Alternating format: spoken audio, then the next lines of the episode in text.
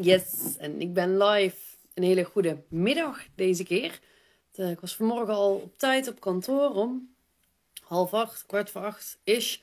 Uh, en lekker aan de gang gegaan. En uh, zoals ik had beloofd, ga ik iedere dag live. Ik heb geen tijdstip beloofd.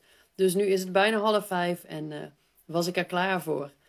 Um, ik had vanmorgen ook in mijn stories of vanmiddag gevraagd: van, Goh, heeft er iemand een idee voor een onderwerp voor een live? Omdat ik nog even niet wist waar ik het over zou gaan hebben. Hey Marije, goedemiddag. En ik, had, uh, ik heb ze nog niet gedeeld in mijn, uh, in mijn stories, maar ik heb twee reacties gekregen op mijn vraagstukken waar ik het over zou hebben. En de eerste was van een klant van mij en zij, uh, zij zei van, goed kun je het hebben over je grootste valkuil? En dat vond ik op zich een hele mooie, um, maar ik heb er even over nagedacht en ik voel hem niet voor vandaag. Dus die ga ik op mijn lijstje zetten en misschien doe ik die gewoon nog een andere keer. En de andere die was van mijn uh, lieftallige man. En die had als optie gegeven voor de live. Um, ik, ik, heb het hier opgeschreven, daarom kijk ik naar de zijkant. Um, omgaan met plotselinge veranderingen. En toen heb ik die liever net ook maar een appje gestuurd met... Ik moest wel heel erg lachen om jouw antwoord, want laten we heel eerlijk zijn. Ik ben niet de beste als het gaat om omgaan met plotselinge veranderingen.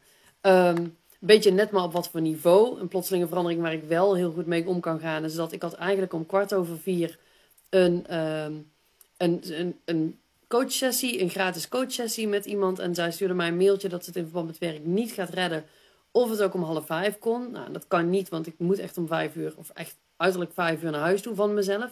Um, die verandering kan ik dan prima mee omgaan. Dan denk ik, oh, dan kan ik nog wat dingetjes afmaken. En um, nou, kon ik deze live doen in plaats van dat ik dat vanavond doe. Dus zoiets kan ik perfect mee omgaan. Maar ik ben niet altijd even goed in het omgaan met plotselinge veranderingen. Dus ook die voelde ik niet helemaal om daar een live over te gaan maken.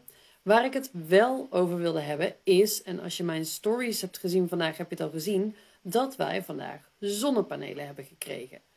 En eigenlijk toen wij dit huis kochten, um, zagen we dat heel veel mensen in de straat, in de wijk al zonnepanelen hadden. En hebben we het er al over gehad van, goh, dat is wel interessant om ook eens ooit te doen. Nou, dat heeft heel lang gesudderd en af en toe hadden we het erover en dan deden we er niks mee. Totdat we een paar weken geleden dachten van, die zonnepanelen, mogen we daar niet onderhand iets mee? Het mooie weer komt eraan, hebben we meteen rendement, zullen we eens gaan informeren. En eigenlijk is het vanuit daar allemaal redelijk snel uh, gegaan.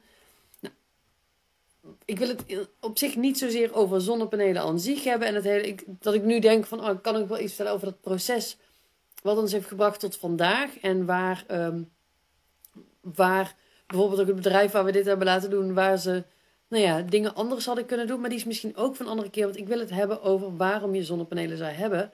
En dat is namelijk omdat het iets op gaat leveren.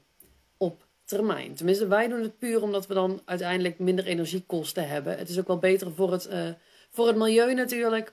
is ook een aspect. Maar met zonnepanelen heb je na verloop van tijd dat het zichzelf terug gaat verdienen.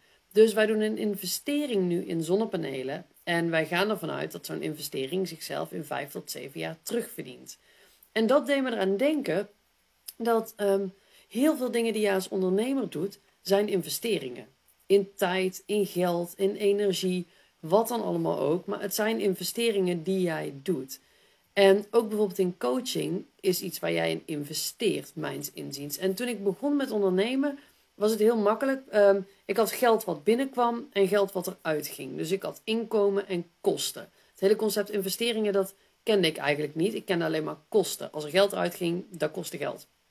Um, in mijn vorige bedrijven ja, investeerde, ja, heb ik wel eens een opleiding gedaan. Maar over het algemeen had ik daar ook niet echt kosten en, en geen investeringen. Dus daar deed ik gewoon maar mijn ding. Totdat ik begon met mijn huidige bedrijf. En me ging verdiepen in bijvoorbeeld dingen als coaching en bijscholing en opleidingen. En toen heb ik eigenlijk het verschil ontdekt tussen kosten en investeringen. En kosten zijn, nou ja, de kosten van mijn kantoorhuur.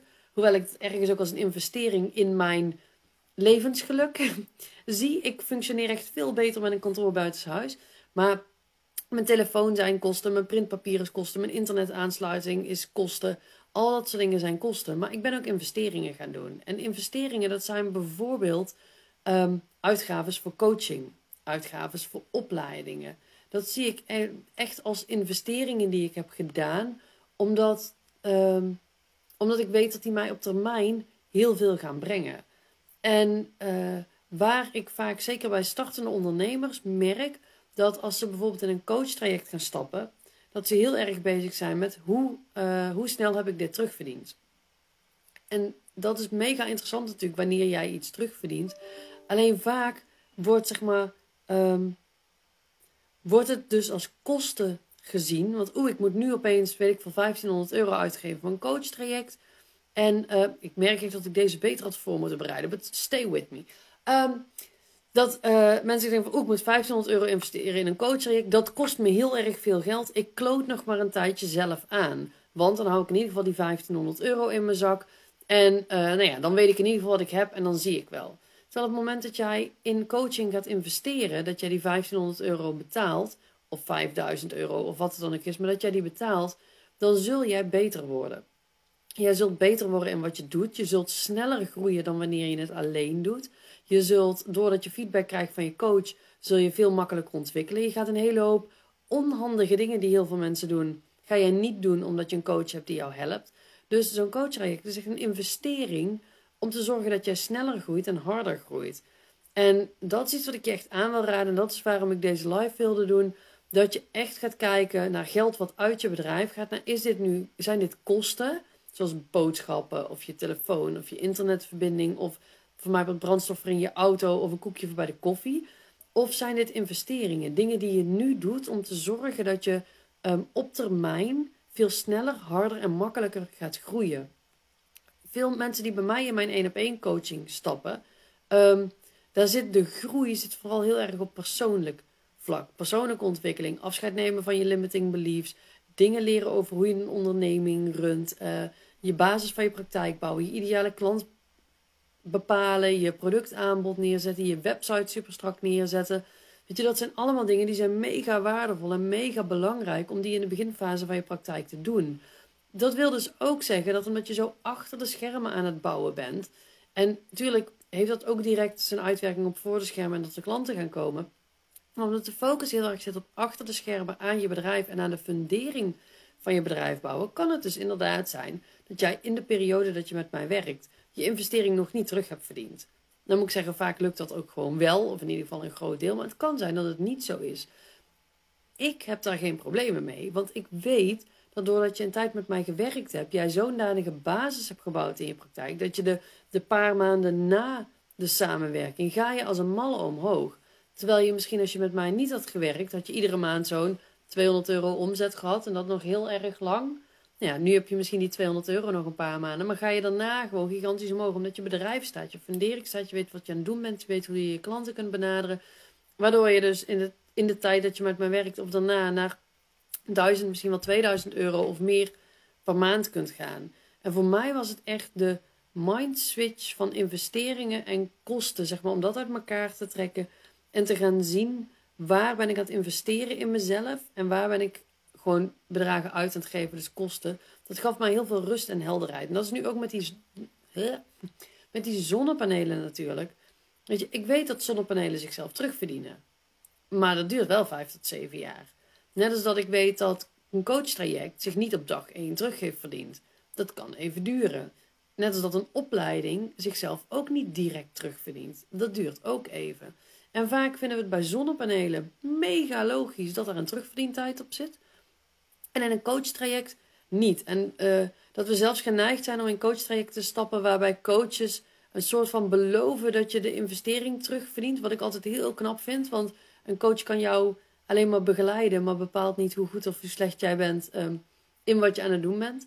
Maar knoop het alsjeblieft in je oren dat je echt gaat kijken als je investeert in jezelf, als je gaat investeren in coaching, dat je bij wie heb ik het vertrouwen dat ik een fundering voor mijn bedrijf aan het bouwen ben. Dat ik een basis neer aan het zetten die zo stevig en krachtig is, dat ik hierop gewoon de rest van mijn bedrijf kan bouwen. En een voorbeeld wat ik vaak noem naar mijn klant is, je kunt geen dakkapel bouwen op drijfstand. Je kunt geen dakkapel bouwen als jouw fundering niet ligt. En als jij begint met je praktijk, ga dan alsjeblieft niet investeren in je dakkapel of je zonnepanelen, maar ga investeren in die fundering, zodat dat staat en je vanuit daar verder kan gaan bouwen.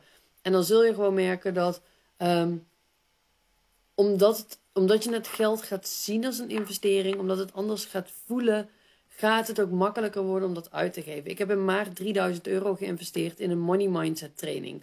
Nou, alleen 3000 euro investeren in zo'n training um, is al gewoon, zeg maar, gigantische groei. Ehm, dus ik kijk heel erg naar wat gaat dit mij opleveren. Geloof ik dat, um, dat zo'n money mindset cursus, was bij Charlotte van het Woud, geloof ik dat als ik deze cursus gedaan heb, dat ik dan dingen leer waardoor ik dit geld weer makkelijk terug kan verdienen. Ja, dat geloofde ik gigantisch.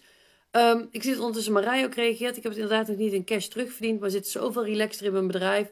Heb zoveel meer stappen gezet. Dus volste vertrouwen dat ik binnen een jaar ruimschoots terugverdient. Ja, precies Marije. Dat, en dat is het ook, weet je. Dat, um, je mag het vertrouwen in jezelf hebben dat als je zo'n investering doet, dat het goed gaat komen.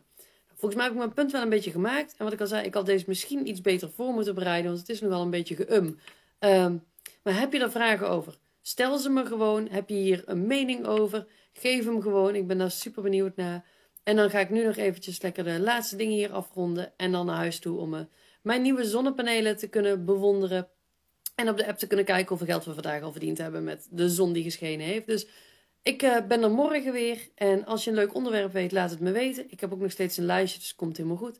En voor nu wens ik je een hele fijne middag en avond. Yes, dikke keus.